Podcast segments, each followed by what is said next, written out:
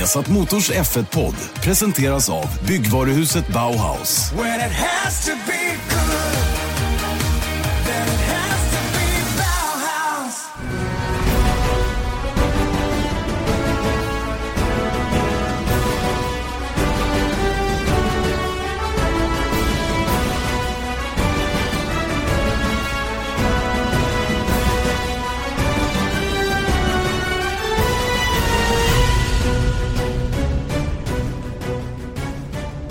Hallå, mycket välkomna ska ni vara till eh, F1-podden som är tillbaka. Idag är F1-podden väldigt, väldigt speciell. Det är ju Viasat Motors F1-podd med Janne Blomqvist och Erik Stenborg precis som vanligt. Och ni hör den också som vanligt på Acast, på iTunes eller på viasatsport.se. Där är, där är det inga konstigheter. Däremot är placeringen av oss två, Erik, lite annorlunda mot vad det brukar vara. Var är du någonstans? Jag sitter nu just nu i en säng under en fläkt och tittar ut över ett panoramafönster över Indiska oceanen. Det är väl det, Pacific Ocean. Det är väl, ja, det är den. Eh, mm. ja, på. Sri, på, Sri, Lanka. Jag har även min surfbräda i blickfånget och eh, svettas lite. Vad härligt. Det låter mm. ju helt fantastiskt. Då ska jag beskriva var jag sitter. Jag sitter och tittar på Robert Kubica. Oj. Robert Kubica har i handen en pokal. Och den pokalen vann han 2008 i Montreal i Kanada mm. när han vann BMW Saubers hittills enda segerrace. Jag började och, tro att du hade en hemlig gäst där. ja, det hade kunnat vara det. I övrigt sitter jag i ett eh, fruktansvärt eh, rum egentligen. Det är en eh, te, ett tegelrum, teglade väggar. Det, ser, man, det känns som man sitter i ett fängelse. Men det här är faktiskt eh, ett konferensrum på Saubers fabrik i Hinwil som har det intressanta namnet Kuala Lumpur. Oj, oj, oj, Så att eh, de, konferensrummen här är ju döpta då till, eh, till olika GP-destinationer. Och det är därför som de har de här namnen. Då. Du har ju varit här så du vet ju på ett ungefär hur det ser ut där jag sitter. Mm, men jag har inte varit i Kuala Lumpur dock, Nej, men... vad jag minns i alla fall. Nästan. Ja. Nej, men eh, vilken internationell podd det? En, en i Sri Lanka, en i Kuala Lumpur, i Schweiz, en svensk podd. Det här är bra. Exakt.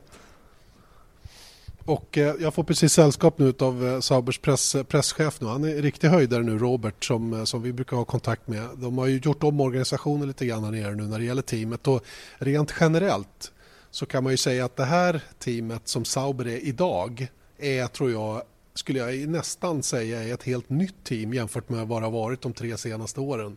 Och jag får fler vittnesmål om det ju fler man pratar med här inne. Va? Och, eh, det, det, det är fascinerande att se scenförändringen verkligen mot hur det har varit tidigare och hur det ser ut just nu.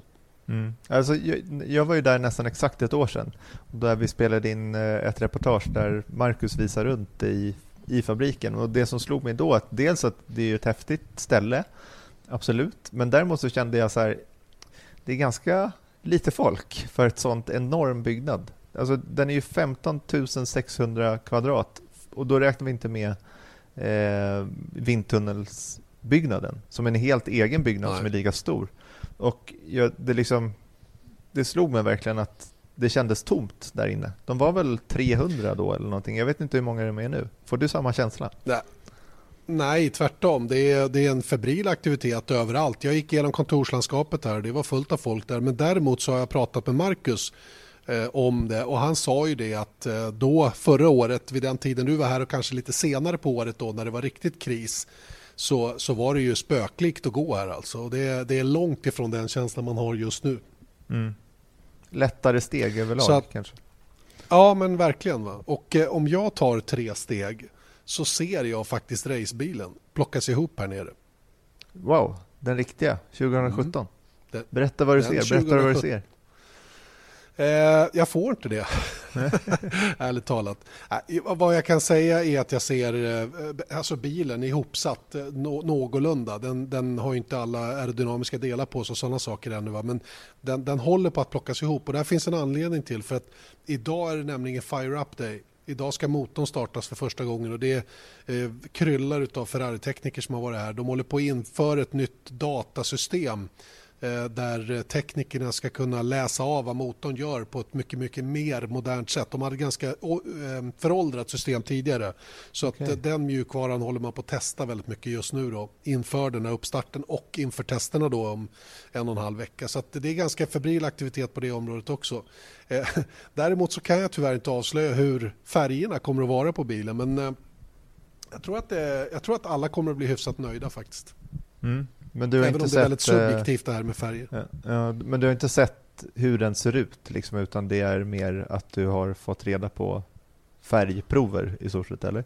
Ja, det, det, det, kan man nästan säga. Va? För att framvingen är inte på, bakvingen sitter där den ska. Va? Motorkåpan är av. Eh, bilen är ju liksom ihopsatt om man säger så. Då. Mm. Eh, så att, eh, men men ja, jag tror att det blir spännande. Men det hade varit roligt att se den komplett med hjul och allting och hela den här aggressiva looken som kommer att vara. Och, enligt uppgift så eh, har de gått ganska aggressivt när det gäller designen på årets bil och det ska bli väldigt spännande att se vad det får för resultat på banan så småningom. Men det var ju 22 februari så det är inte långt kvar. Det är ju, eh, vad blir det? Det är en vecka. Knapp ja, vecka får vi se hur den ser ut. Just det.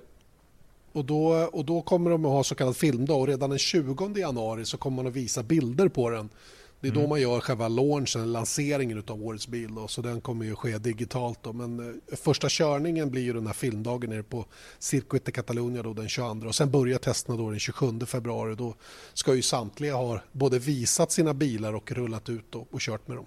Mm. Men eh, beskriv vad du ser runt omkring dig då.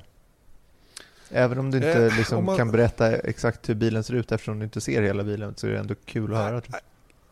Ja, men alltså eh, här där jag är, om jag bara går fram till fönsterrutan här så har jag så kallad Race Bay här nere.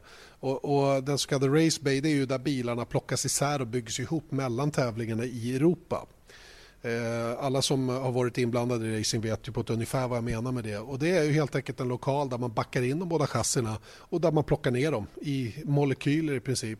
Och sen eh, sätter ihop dem igen då när eh, när man ska göra dem klara för att, för att köra med igen. Så att säga då. Det här är ett väldigt rent och snyggt område.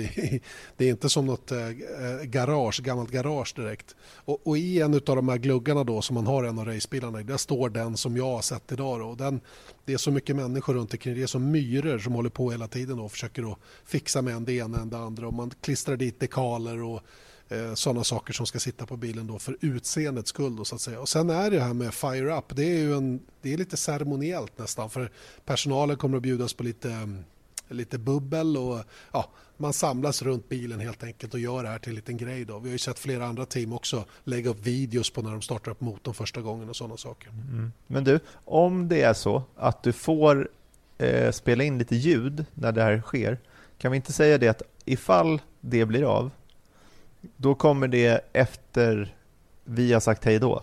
För vi vet ju inte Exakt. det nu när vi spelar in. Så vi säger så, häng liten, kvar ifall ett, ni hör. Exakt, så stäng inte av när jag har gjort klart allting för då kan det komma ett litet extra klipp mm. med, eh, med uh, fire-upen här då, i, mm. Hinville. Lite beroende. De, alltså, de har så mycket att göra och det är så mycket som ska fungera innan man gör det här. Jag träffade Chevy Pujolar när jag gick hit och han han sa att vi vet inte, vi har ingen aning. Och han, men han såg nöjd ut i alla fall när jag pratade med honom. Jag frågade också vad han tyckte om bilen. Och, ja, men det, för, för våran del så känns det bra, sa han. Va? Men sen vet vi inte vad alla andra gör och så vidare. Va? Eh, Reto som är chefsmekaniker han kunde inte heller svara på frågan när de tänker starta motorn då, eftersom det är så många system och allting ska funka innan man kan göra det där. Så att, eh, men vi utlovar ljud i den mån vi får spela in det, absolut. Mm. Nej, men det, det, är en, eh, i alla fall en väldigt häftig byggnad och där om du, jag tror att du är åt det hållet. Om du tittar ner till vänster så ser du ju hela den här eh, kabinettet med alla deras eh, champagneflaskor som de har fått på alla deras pallplaceringar. Och de har också bilder va? Mm. ovanför eh, racebacen mm. med, alla, eh, med bilder från alla eh, pallplaceringar också. Så det är ju Exakt. cool byggnad alltså. Som byggdes av BMW. Mm den delen som byggdes av BMW. För att eh, det, först när man kommer in i fabriken här så är man ju i den del som Peter Sauber gjorde från början. Mm. Sen så kommer man då, sen är det som två övergångar till den delen som BMW byggde till då. Och eh, den här vindtunneln som vi pratade om tidigare, den, jag var in där och, och jag fick inte titta in i i själva i gluggen där den här 60%-modellen står. Men, men det är ju en fantastisk anläggning, helt galen mm. egentligen. Mm. Och den sägs ju vara en av världens bästa, faktiskt. Mm. Och eh, den, behöver, den, är så, den är så kraftfull så att den skickar, vind, den skickar ju vind eller luft mot bilen i, i hastigheter på 160-170 km i timmen. Mm. Och sen, sen, står den här modellen då på ett rullband som ska rulla i samma fart.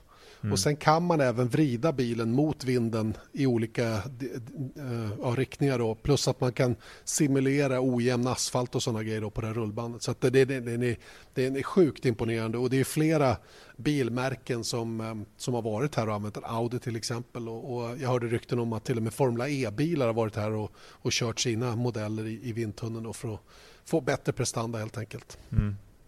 Det är högt där uppe, du är höjdrädd. Hur gick det till? Ja, men jag var aldrig där uppe, jag stod ner på golvet. Ja, okay, ja, det var bra. Tänkte faktiskt på dig förra året, att bara, det är tur att inte Janne var liksom huvudman i det här Exakt. reportaget, för då hade det blivit golvskott det bara. Pannkaka alltihopa. Mm. Eh, vad kan vi säga mer då? Sauber, det är lite aktuellt det här med tredje förare. Det, det dök upp här i veckan då med Antonio Giovanazzi då som eh, skulle då bli draftad in i teamet som, eh, som tredje förare och eh, jag har ju luskat så gott jag kan mm. eh, utan att egentligen få några svar. Det är väl helt klart att Giovanazzi kommer att ansluta i organisationen på ett eller annat sätt. Så långt tror jag man kan säga. Sen vad det betyder, eh, en tredje förarposition har han ju redan i Ferrari och han kommer mm. då förmodligen att dubbla då med att vara i Sauber på samma position då efter. Selling a little or a lot?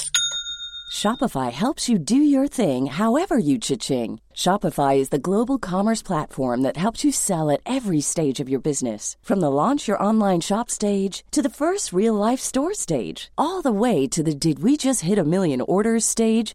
Shopify is there to help you grow. Shopify helps you turn browsers into buyers with the internet's best converting checkout. 36% better on average compared to other leading commerce platforms because businesses that grow grow with Shopify. Get a $1 per month trial period at shopify.com slash work. Shopify.com slash work. Behov och det är väl en ganska smart lösning att ha en förare som kan täcka upp i två team. Ja. Sen, eh, sen har vi ingen aning om huruvida det finns behov för honom att köra någonting under försäsongen här och eventuellt också de inledande racen. Det, det är det ingen som kan svara på ännu. De, de håller hårt om informationen runt omkring Wehrlein här och hans skadade nacke. Så att, eh, vi, får, vi får avvakta ett tag till. Mm, man får göra det. Jag tycker ändå att så här, när man tänker på det mer och mer att just det där att just runt Wehrlein att man inte fick reda på att det här hade hänt eller att, att det var en skada där. Liksom, jag kan ändå inte riktigt komma överens med varför de håller det så hårt. För att egentligen så... De vill ju inte ha spekulationer, det är därför de inte har sagt någonting, förutsätter jag. Men ett sätt att slippa spekulationer är att berätta hur det står till. Mm. Ja, men det är ju det, är det gamla klassiska. Vilk, ägget eller hönan? Ska man, ska man berätta för alla att så här ligger det till och liksom kanske få lite skit för det eller ska man hålla tyst och låtsas som ingenting? Ja, det, är, det är jättesvårt att svara på vilket som är det rätta men det är väl helt uppenbart att det är har inte funnits något intresse av att berätta att Wehrlein är skadad mm. eh, eh, av någon anledning. Va? Som, som dröjde väldigt länge innan det dök upp och jag tror att det har väldigt mycket med politik att göra och, och eh, eventuella ersättare och att de här stora krafterna som är om, i omloppen då med Mercedes och nu även Ferrari då som verkar glida in på bananskal så, så är det kanske inte precis som Formel 1 alltid är så är de lite överbeskyddande på det viset när det gäller information. Det, blir så här, det ska vara så hemligt och mystiskt allting hela tiden. Av mm. vilken anledning vet jag inte. Nej, nej men det är ju det är som vanligt. Eller hur? Precis som vanligt. Men, men du, äh, har ja, du träffat någon förare då? Någon, jag har träffat en förare faktiskt. Ja, han, han har suttit faktiskt med mig här och eh, Marcus Eriksson, eh, oh, jäklar vilken nacke han har fått.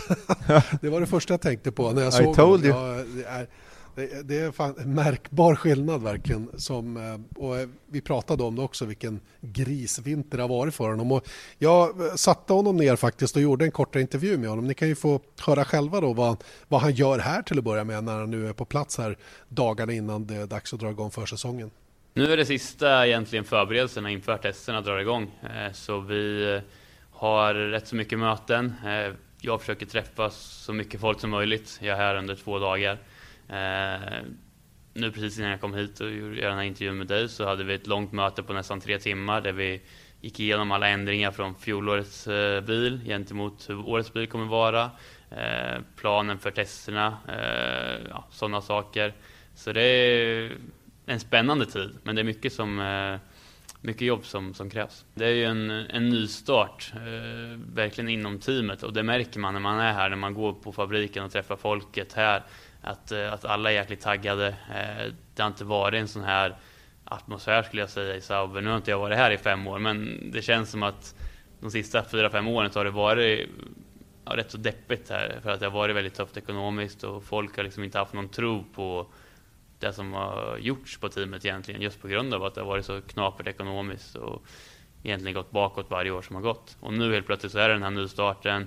Det finns medel till att ja, göra något bra och liksom återbygga teamet och eh, det tycker jag märks på ja, alla människor man träffar här på teamet och den eh, ja, viljan att liksom förbättra som finns här. Så det, det är jättekul att vara del av det och eh, gå runt och motivera folk ännu mer genom att jag är här och liksom peppar på folk och snackar och visar intresse. Så, eh, det, är en, det, är en, väldigt spännande tid på året och, och roligt eh, att liksom vara med i den här nystarten.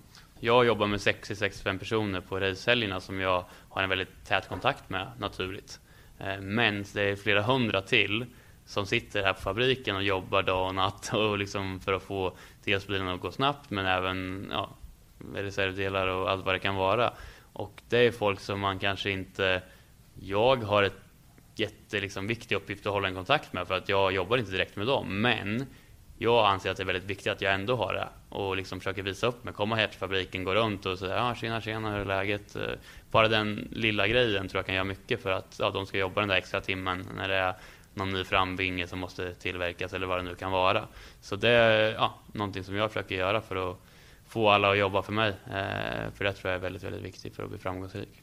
En riktig grisvinter har det varit för dig i träningslokalen. Även om jag vet att du numera tycker det är roligt att träna på ett annat sätt än det kanske var förr. Så i och med att du har blivit starkare hela länge. Men hur sugen är du inte på att sätta dig i bilen nu? Ja, men det ska bli riktigt roligt. Nu har det blivit som sagt eh, en riktigt tuff vinter. Framförallt nu sista en och en halv månaden har varit ja, stenhård träning. Men eh, man kommer ju in i det och det, det, går på automatik nu. Eh, I morse var jag uppe vid sex och körde en och en halv timme på gymmet eh, innan jag åkte hit. Eh, och det hade jag inte gjort för några år sedan.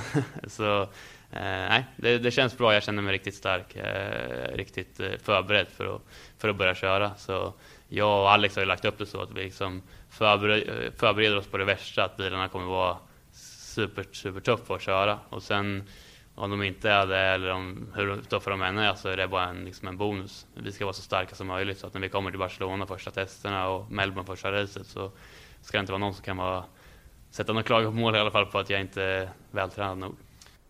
Ja, Marcus Eriksson där alltså som eh, känns laddad inför säsongen verkligen och han, eh, ja, man märker på honom också att han, eh, han är sugen på att köra igång nu och han har rätt stor tilltro till saker och ting och han har ett litet leende på läpparna och mycket möten då som vi hörde nu som man har. De har suttit i stormöte hela förmiddagen här och kommer att fortsätta även efter lunch. Han hade 20 minuter att komma och snacka lite och, och prata med mig då. Det, det, var den tid som fanns helt enkelt. Så att, mm. ja, men det är kul att se honom i alla fall. Han verkar laddad. Mm. Men det är det som är lite lustigt också om man tänker på att det här är hans, eh, vad blir det, fjärde år i F1 och det är första gången, jag säger inte att Sauber idag kanske har så här, ekonomiska muskler i liksom, ja, Ferrari-klass. Liksom. Men däremot, det är ju första gången han egentligen får utveckla en bil. Jag mm. menar, det I Caterham eh, och båda åren i Sauber hittills har ju varit liksom, ja, det är ju, vi har det vi har och så kör vi. Liksom. Och sen så handlar det om att ställa in. Så det är liksom, det är en stor säsong på det sättet också, att han ska liksom faktiskt leda teamet någon vart.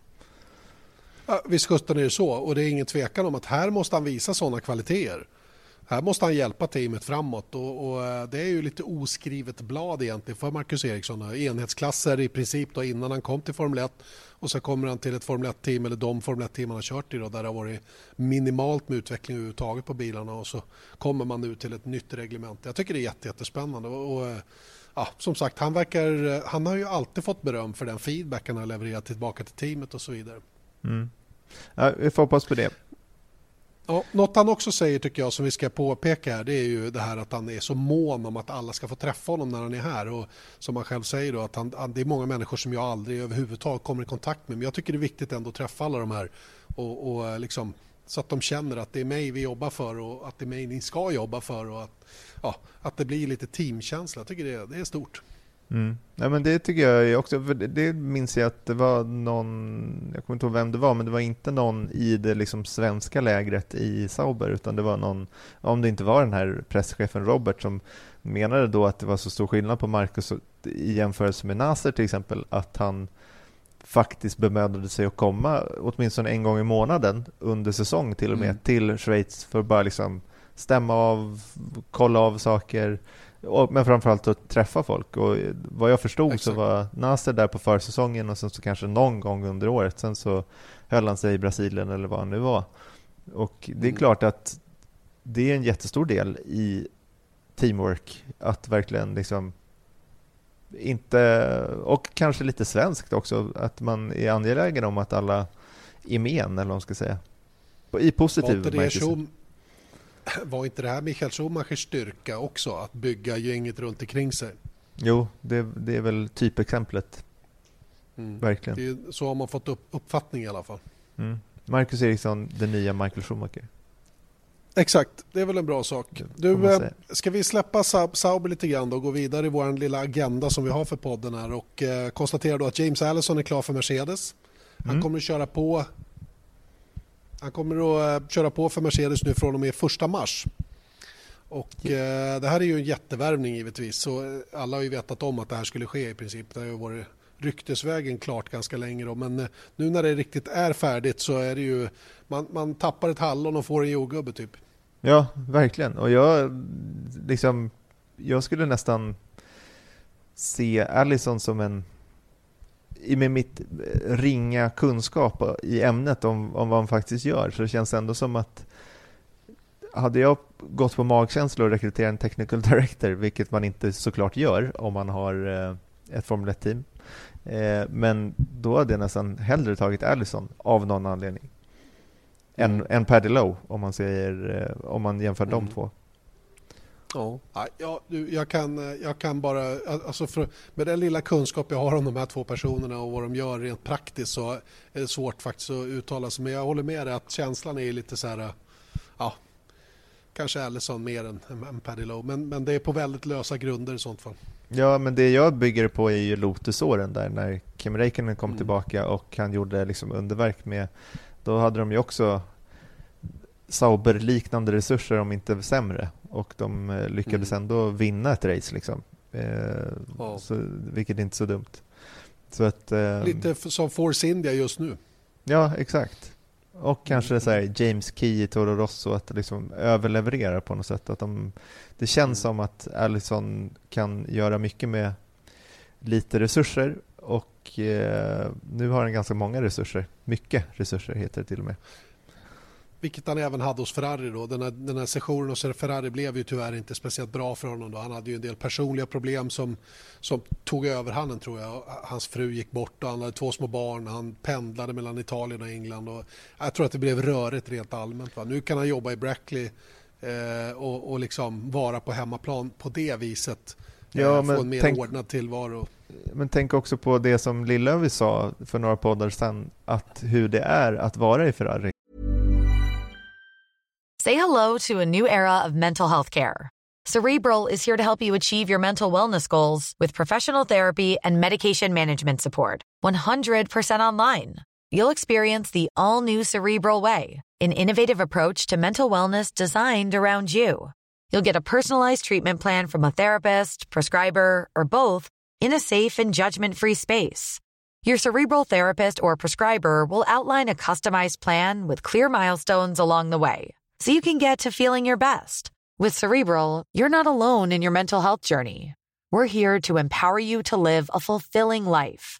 So take that first step towards a brighter future and sign up today at cerebral.com slash podcast and use code ACasts to get 15% off your first month. Offer only valid on monthly plans. Other exclusions may apply. Offer ends July 31st, 2024. See site for details. Hey, I'm Ryan Reynolds. Recently, I asked Mint Mobile's legal team if big wireless companies are allowed to raise prices due to inflation. They said yes. And then when I asked if raising prices technically violates those onerous two year contracts, they said, What the f are you talking about, you insane Hollywood ass?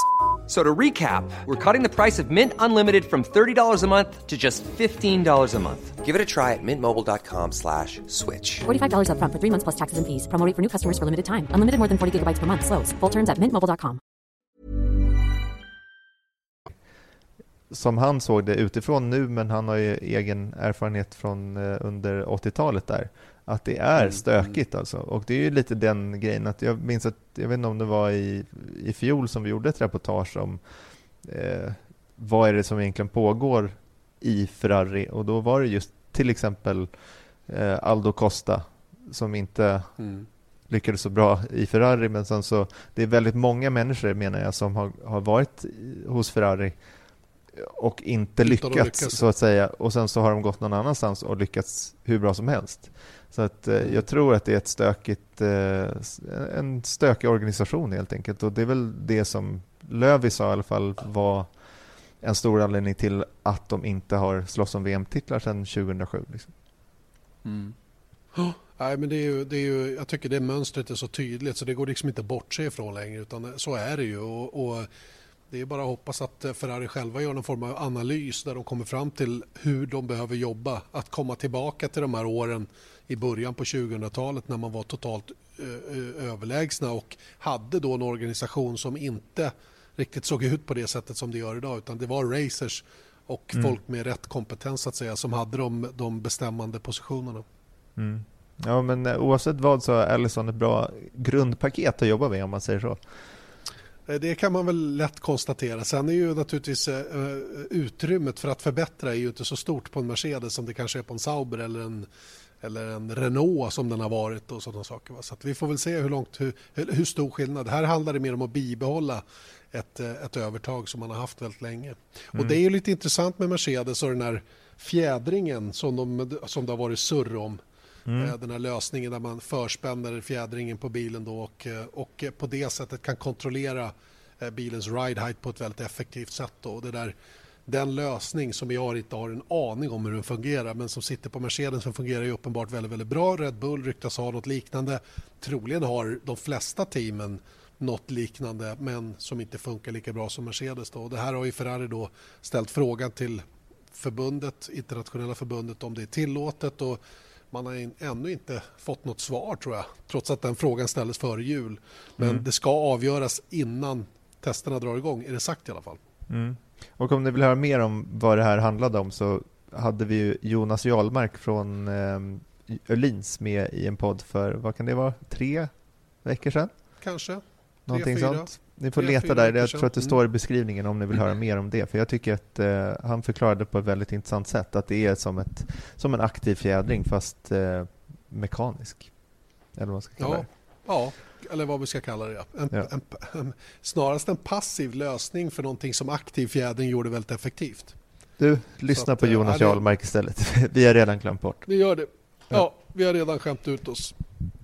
Du, Mm. eh, eh, Pirelli då som eh, levererar helt andra däck till den här säsongen. Paul Hembry har varit ute och uttalat sig och säger att vi ska inte skylla på honom om det nu blir tråkig racing. För de själva förutspår att det kan bli lite procession, att det blir svårt att ta sig förbi och att eh, nu när man tar bort eh, det som kallas för degradation då, eller tidstappet i däcken så kommer det bli svårare för förarna att kunna liksom göra skillnader i racen då. Och det där eh, tar ju han höjd för nu redan innan det börjar och tycker att det kommer inte att gnälla på oss nu för vi gör fortsatt bara vad vi blir tillfrågade om att göra och, eh, och eh, det får ni leva med så att säga. Va? Jag, jag, jag förstår ju exakt vad Paul Hembry menar i sak men jag tycker det är ett tråkigt sätt att kommunicera saker på. Som, som jag inte fattar, att man liksom utgår ifrån att man ska få skit innan det ens har börjat. Mm. Men du, om man tänker så här då, att nu försöker inte jag försvara honom, men det blir lite som ett försvar ändå. Att om man tänker på hur mycket skit de har fått vad är det, sex år de har varit i eh, F1 nu. Och det har inte varit liksom ett år som, som någon har bara liksom, ja men det här är bra liksom. Det är den här grejen att om det är någon som har fått mycket skit i Formel 1 de senaste åren så är det Pirelli. Oavsett vad de har gjort. Och det är ju lite den här grejen att visst, man kan tycka vad man vill om däcken.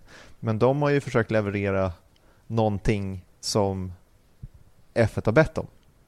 Och sen så har väl det gått mer eller mindre bra, men de har ju liksom de har ju gjort en beställning på till exempel det här mm. thermal degradation som vi pratade om mm. förra veckan och apropå nyheterna inför 2017. Eh, då hade vi också en gäst med den här Roberto från, eh, som är presschef för eh, Pirelli som berättade mer. Pirelli. Ja, ja, exakt. Eh, om, om den saken. Och jag, jag, liksom, om man redan nu då, för i och med att det börjat florera lite skriverier om, eller en oro skulle man väl kunna kalla det i media om hur kommer egentligen, i och med att alla, precis som vi, spekulerar under hela vintern och det kommer fram mer och mer nu att okej, okay, med, med den här ökade aerodynamiken och eh, mer grepp helt enkelt i kurvor så kommer man kunna bromsa senare, man kommer ha mer fullfartskurvor vilket gör att det blir färre omkörningstillfällen så att säga. Eh, men jag menar, Pirelli har ju faktiskt sagt, blivit ombedda, nu ska vi ha bredare däck som ska kunna gå och köra hårdare. Ja, och det har de väl gjort då. Ja, men eh, det här är ju en evighetsdiskussion som aldrig kommer att ta slut och jag tog faktiskt upp det med några här som jag, som jag pratade med och jag var lite jag blir lite frustrerad över allt det här gnällandet på Formel 1 hela tiden. För det är inget fel på sporten. Det är, finns detaljer som man behöver jobba med givetvis. Men frustrationen över framförallt folk inom sporten som gnäller på sin egen produkt. Det är sånt vi har pratat om många gånger tidigare. Och jag tror att de allra flesta vet min inställning till det hela. Och jag, jag kan inte riktigt... Eh, jag kan över, överlag inte riktigt... Eh, vad ska jag säga, identifiera mig med all det negativa som är runt den här sporten som jag har följt så länge och som tycker så mycket om. Jag, jag, jag kan inte riktigt... Eh, hur, jag menar, handen på hjärtat, hur många andra sporter levererar det som man nästan kräver av Formel 1, eller i alla fall många gör, kräver ska hända i varje Formel 1. Det finns ju inte en sport i hela världen som Nej. orkar med ett sånt underhållningsvärde som man pratar om här. Och, och här kan jag tycka att Formel 1-sporten i sig själv också blir väldigt så här reaktiv. Den ska hela tiden agera baserat på hur det låter från, från, från ett antal opinionsbildare. Mm. Och jag kan tycka att det, det är dumt. Va? Det här är ingenting vi ska dra i någon långbänk nu för att vi har pratat om det så mycket tidigare. Men man måste sluta ja, men däremot med det kan man, ja, men Absolut, men däremot kan man ju med tanke på det då förstå Paul Hembrys frustration kanske redan innan det kommer. Visst. Det är klart att han, han är medveten om vad som sägs. Eh, Men han måste, jag tycker inte han behöver komma med det innan vi ens rullar upp bil. Alltså slappna av lite grann. Va? Det finns ju andra sätt att kommunicera de här sakerna på, eh, tycker jag. Nu, nu, ja, absolut. Men jag tror samtidigt att det mm. kom ju frågan antagligen då från en journalist som ställer frågan till honom mm. att eh, okej, okay, ja, hur säkert. ser ni på den här oron? Så att han har ju svarat, liksom, man vet ju inte heller kontexten i, i grejen. Nej. Jag tycker inte att det han säger i själva artikeln på Autosport var va? Eh, mm, eh, är speciellt konstigt, utan det är mer en rubriksättning tycker jag som är konstigt. Det är lite mm. sån där mm. alternative facts i det här kanske. Just det, just det. Men däremot så säger Kevin Magnussen att han tror att, eh, att racing kan bli bättre eller lättare, eller vad man ska säga, 2017. Ja. Eh, jag menar att omkörningar blir lättare i alla fall.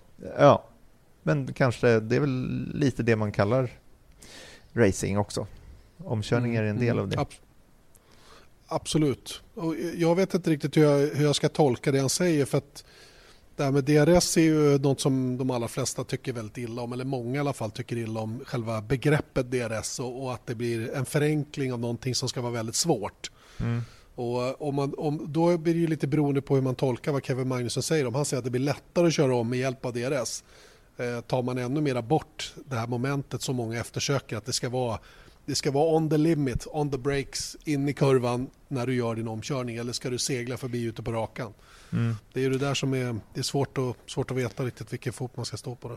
Ja men det, visst, jag är ingen eh, större fan av eh, DRS, absolut inte. Det, jag vet inte riktigt någon som skulle kunna säga det, men däremot så tänker jag med den här aerodynamiken, om man ser det glaset halvfullt och lite så som jag i alla fall läste den artikeln, eller i det Kevin säger, är att liksom med den här jättemycket ökade eh, Aeron så kommer det bli svårt att ens följa eh, en annan bil. Mm. Det här kan i alla fall göra så att man kommer nära. Mm. Förstår du? Att, ja, jag... Varsågod. Ja, ja. om ni tycker vi pratar i mun på varandra ibland så är det för att vi sitter som sagt i två världsdelar. Eh, vad jag skulle säga var, och det har jag sagt skrivit någonstans tror jag i min blogg, att jag tror att DRS kanske blir nödvändigt snarare än att det gör saker och ting lättare. Att vi kanske för en gångs skull får en DRS som är precis lagom avvägd för att, vi ska, för att det ska göra det det var avsett. Va? Att hjälpa till att komma till omkörningslägen. Mm. För det, det, det tror jag kanske mer på än, än att det skulle bli att man bara seglar förbi på rakerna. Jag hoppas att det blir så i alla fall. Mm. Ja, men det var lite så jag menade, fast du sa det mycket, mm. mycket bättre. Som vanligt. ja, ja, ja. ja. Nåja, nåja.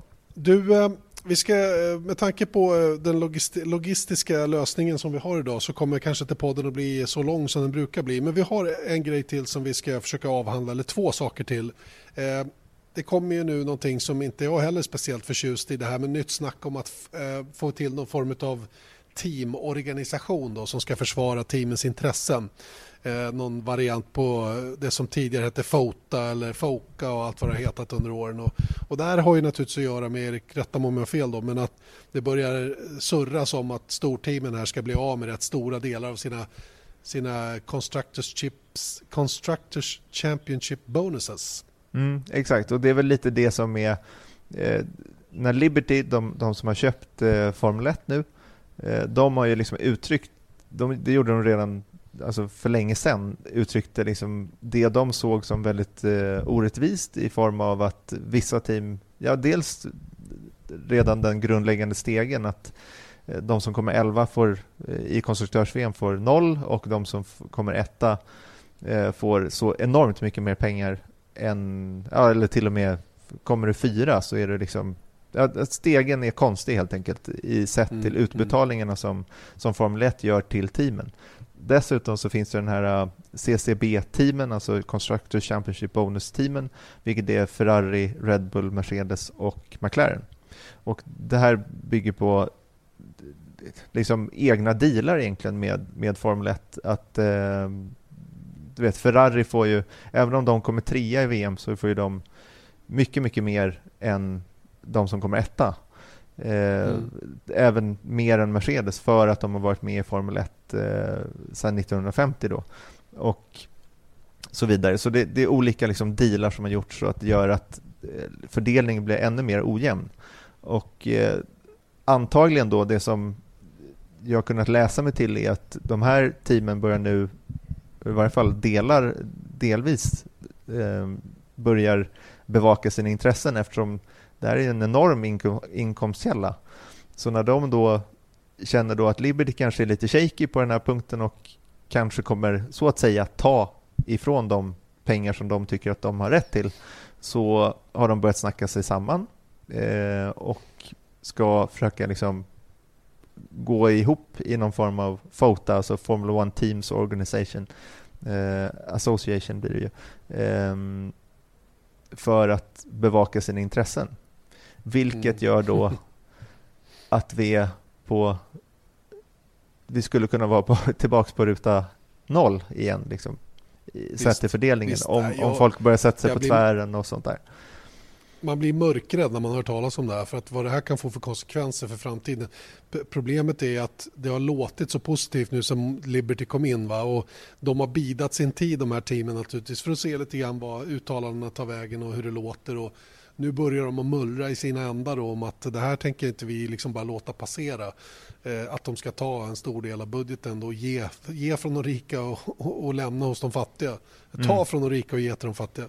Alltså mm. lite Robin Hood-varianten då, vilket i och för sig behövs för sportens bästa. Men vem, vem, som har mycket pengar blir glad över att bli av med mycket pengar, det är ju ingen. Va? Och det skulle man väl inte själv heller göra, utan det är klart att det här kommer att starta. Och det här blir ju en svår nöt att knäcka för Liberty om de ska få till den här utjämningen på något sätt. Va? Och det kommer att vara hot om att sluta och det ena och det tredje. Man kommer att sätta sig på tvären om både ditten och datten innan det här är färdigt. Mm. Och det här som liksom, jag börjar tänka bara så här hur Chase Carey, han som driver eh, eh, Liberty då, eh, undrar om han har förstått riktigt vad det Liberty har köpt. Med tanke på liksom, om man är amerikan och kanske ser eh, lite Nascar-förebilder eller liksom att folk sluter upp inom gruppen, att de sätter eh, inte bara reglementet utan det här är liksom normerna vi jobbar efter.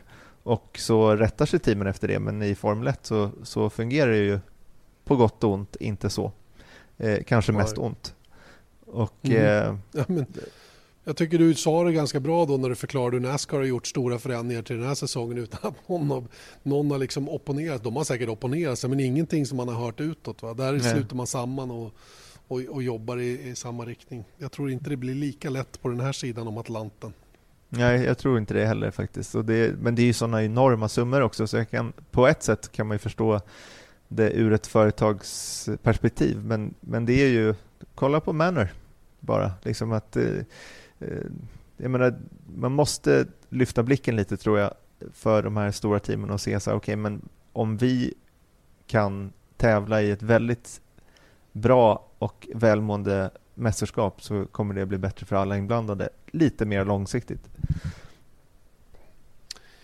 Ja, som sagt, man blir lite skraj över att, över att läsa att det här börjar liksom att, att hända i bakgrunden någonstans. Man, man blir lite orolig för, att, för var det tar vägen så att säga på något sätt. Mm.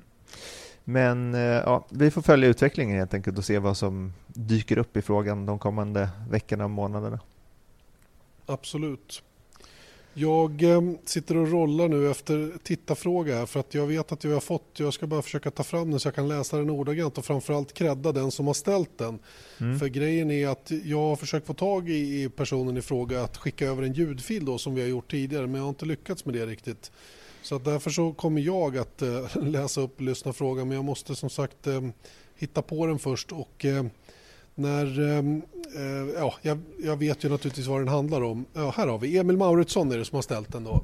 Och, eh, lyssnarfrågan den ger, skickar ni då genom att använda hashtaggen F1-podden. Alternativt att ni taggar mig då F1JanneB.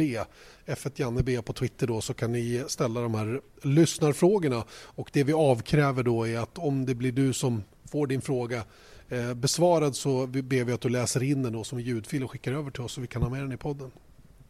Yes. Eh, och, du, då har jag vill, Emil... innan ja. frågan kommer bara så, så vill jag att alla ska ja. veta att vi, det här är tredje gången vi gör en lyssnarfråga. De två första gångerna gick det felfritt. För det, var, det kan ja, ha varit så att det var jag som hade hand om lyssnarfrågan. Ja, exakt. Just just det. Jag förstår vart du är på väg. jag vill bara poängtera. tror jag att du har rätt. Jag tror du har rätt dessutom. det är det som smärtar mest. Ja. Kanske ska skicka, Nå, skicka de här frågorna till mig istället så att de kommer med. Ja, skicka dem till Erik så det blir ordning och reda. okay. Det är han som är administratören i gänget där.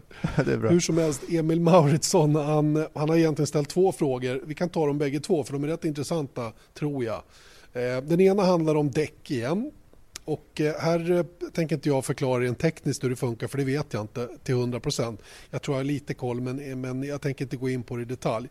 Han skriver, han skriver så här Emil, vad innebär ett skrubbat set däck?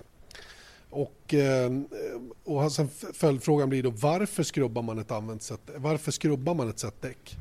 Han skriver mm. varför skrubbar man ett använt set? Men grejen är så här, det vi lite slarvigt säger i våra sändningar när vi pratar om skrubbade däck, det är att man åker ut på däck som har gått några varv. Mm. Eh, det vill säga, startar man på ett sätt skrubbat så har de kanske gått tre varv i kvalet. Så de är långt ifrån gamla men de är upphettade en gång i alla fall och har svalnat av och härdat om och sådana grejer och får lite, lite andra egenskaper än ett helt nytt däck får då som man börjar köra på. Och det kan vara en fördel att åka på helt nya däck mot att åka på ett sätt skrubbade däck, eller det är en liten fördel. Man får ju några varv extra i däcken då, så som reglementet har varit hittills. Mm. Och eh, därför så använder vi det uttrycket då, skrubbade däck. Mm. Det om detta och sen så ställer han en fråga till. När ni i tv pratar om incidenter längs banan så nämner ni ibland exempelvis sektor 12. Och då undrar han så här, vad menar ni med sektor 12? Trodde Mm. det fanns tre sektorer och han har rätt i det. Det finns bara tre sektorer på banan eh, tidsmässigt, alltså tid, eh, mellantidsmässigt så finns det bara tre sektorer. Men, men eh, det dumma är faktiskt, det är dumt och är ju jag är lite förbannad på oss själva för vi har inte riktigt bestämt oss för hur vi ska jobba med det där. Men, men man har faktiskt på den här FIA-kartan där de skickar ut vad varje sån här eh, funktionärspostering står, döpt varje postering också. Vilket innebär att de blir också sektor, sektoravdelningar på banan då. Och det är Och alltså på den här händer monitorn som ni får när ni är på plats i kommentatorshytten Ja. så har ni ju en utökad sån timing eh, Just screen. Just det, och dessutom så finns det då om man går in på Fias hemsida möjlighet att själv skriva ut den här kartan över banan där de här Marshall-posteringarna eller Marshall-posts eh, finns eh, uppräknade. Och, och då när de skriver att det händer saker på banan till oss som är verktyget vi använder när vi kommenterar, då, då står det sektor 12. Och då säger vi sektor 12 fast vi egentligen inte ska göra det utan vi borde egentligen ta reda på vad sektor 12 är för kurva och använda antingen kurvnamnet eller kurvnumret för att göra det lättförståeligare för er som sitter och kollar. Så att det där Eller till och med dela in de här, veta när, okej, sektor 5 det är i sektor 1 och sektor 6 Ja, det är sektor ja. 2 Exakt. till exempel. Exakt. Men att, eh, faktum är ju att- Det där är, Faktum är att nu har ju F1 den, den timingen som, som vi får ehm, ja, internt så att säga i, på Viasat, den är ju indelad i 200 meter nu. Så ja, det är ju långt mycket mer alltså än, än de här äh, sektor 12-grejerna. Utan det är rätt häftigt faktiskt un, under kval då, så man, man Mm. kan se gröna tider. Normalt sett i tv så får man ju en, en grön sektor. Det betyder att man har förbättrat sig i den sektorn. Men vi kan få till och med liksom vilka 200 meter. Nästan då Mm. om man kan göra en overlay över en kurva så ser vi vilken kurva han var lite bättre i eller lite sämre i. just det. Vilket är häftigt. Exakt så är det faktiskt. Och man kan se tendenser i varvet. Man Mm. kan se om en bil är snabbare rakt fram och tappar i kurvorna till exempel via det här. Eh, Det är också sånt som är oerhört värdefullt. Det var ju många gånger Manor-bilen till exempel var jätte, jättesnabb, hade gröna såna 200 meters delar tills den kom in i ett parti där det började kränga på lite och då började det helt plötsligt bli grått, det vill säga den inte förbättrade sig och det, då såg man ganska tydligt att den här bilen hade vissa bekymmer då med att man var snabb när det svänger på men var snabb rakt fram då, vilket vi omvittnat såg flera gånger under säsongen. Mm. Och just nu Eh, så som vill sagt, vi inte lovar Formel att- 1 vi lovar att bli tillhandahålla den här, men de kommer säkert göra det inom, inom eh, några år i alla fall. För jag, jag ser inte poängen med varför de inte vill tillhandahålla den till alla. Nej, nej. Det om detta Erik. Ja, Vad är klockan hos dig? Den är fyra timmar före mig. Det betyder att klockan är runt eh, fem på eftermiddagen när vi sitter och spelar in det här poddavsnittet denna torsdag. Eh, Det är inte långt kvar till försäsongstesterna. Du kommer väl hem innan det drar igång hoppas jag? ja, det gör jag. Kommer hem om en Det är vecka. bra det. Ja, men det är bra. Det är bra. Då kan jag slappna av. Men det blir en till alltså på långt håll. Mm, ja, det blir det väl kanske. Ja, Om det inte blir eh, på torsdag nästa vecka, för det är då jag kommer hem. Ja, då kan det funka. Men du Mm. kanske vill landa också innan du måste börja jobba. Nej, nej, nej, nej. Ja. nej. Allt, det, allt, det där löser, allt det där får vi lösa på egen hand. Det är ingenting som vi behöver belasta våra lyssnare med. Kul att ni var med i alla fall under den här F1-podden där alltså jag sitter på Saubers fabrik i Hinwil i Schweiz och där Erik finns på Sri Lanka. Men det går ju att lösa med teknikens, eh, eh, på tek- med teknikens under höll jag på att säga då, att få till i alla fall. Eh, Vi ber att få återkomma om en vecka igen och eh, säger på återhörande tills dess och eh, ha en skön fortsättning på semestern säger vi till Erik Stenborg. Tack ska du ha. Vesat Motors F1-podd presenterades av byggvaruhuset Bauhaus.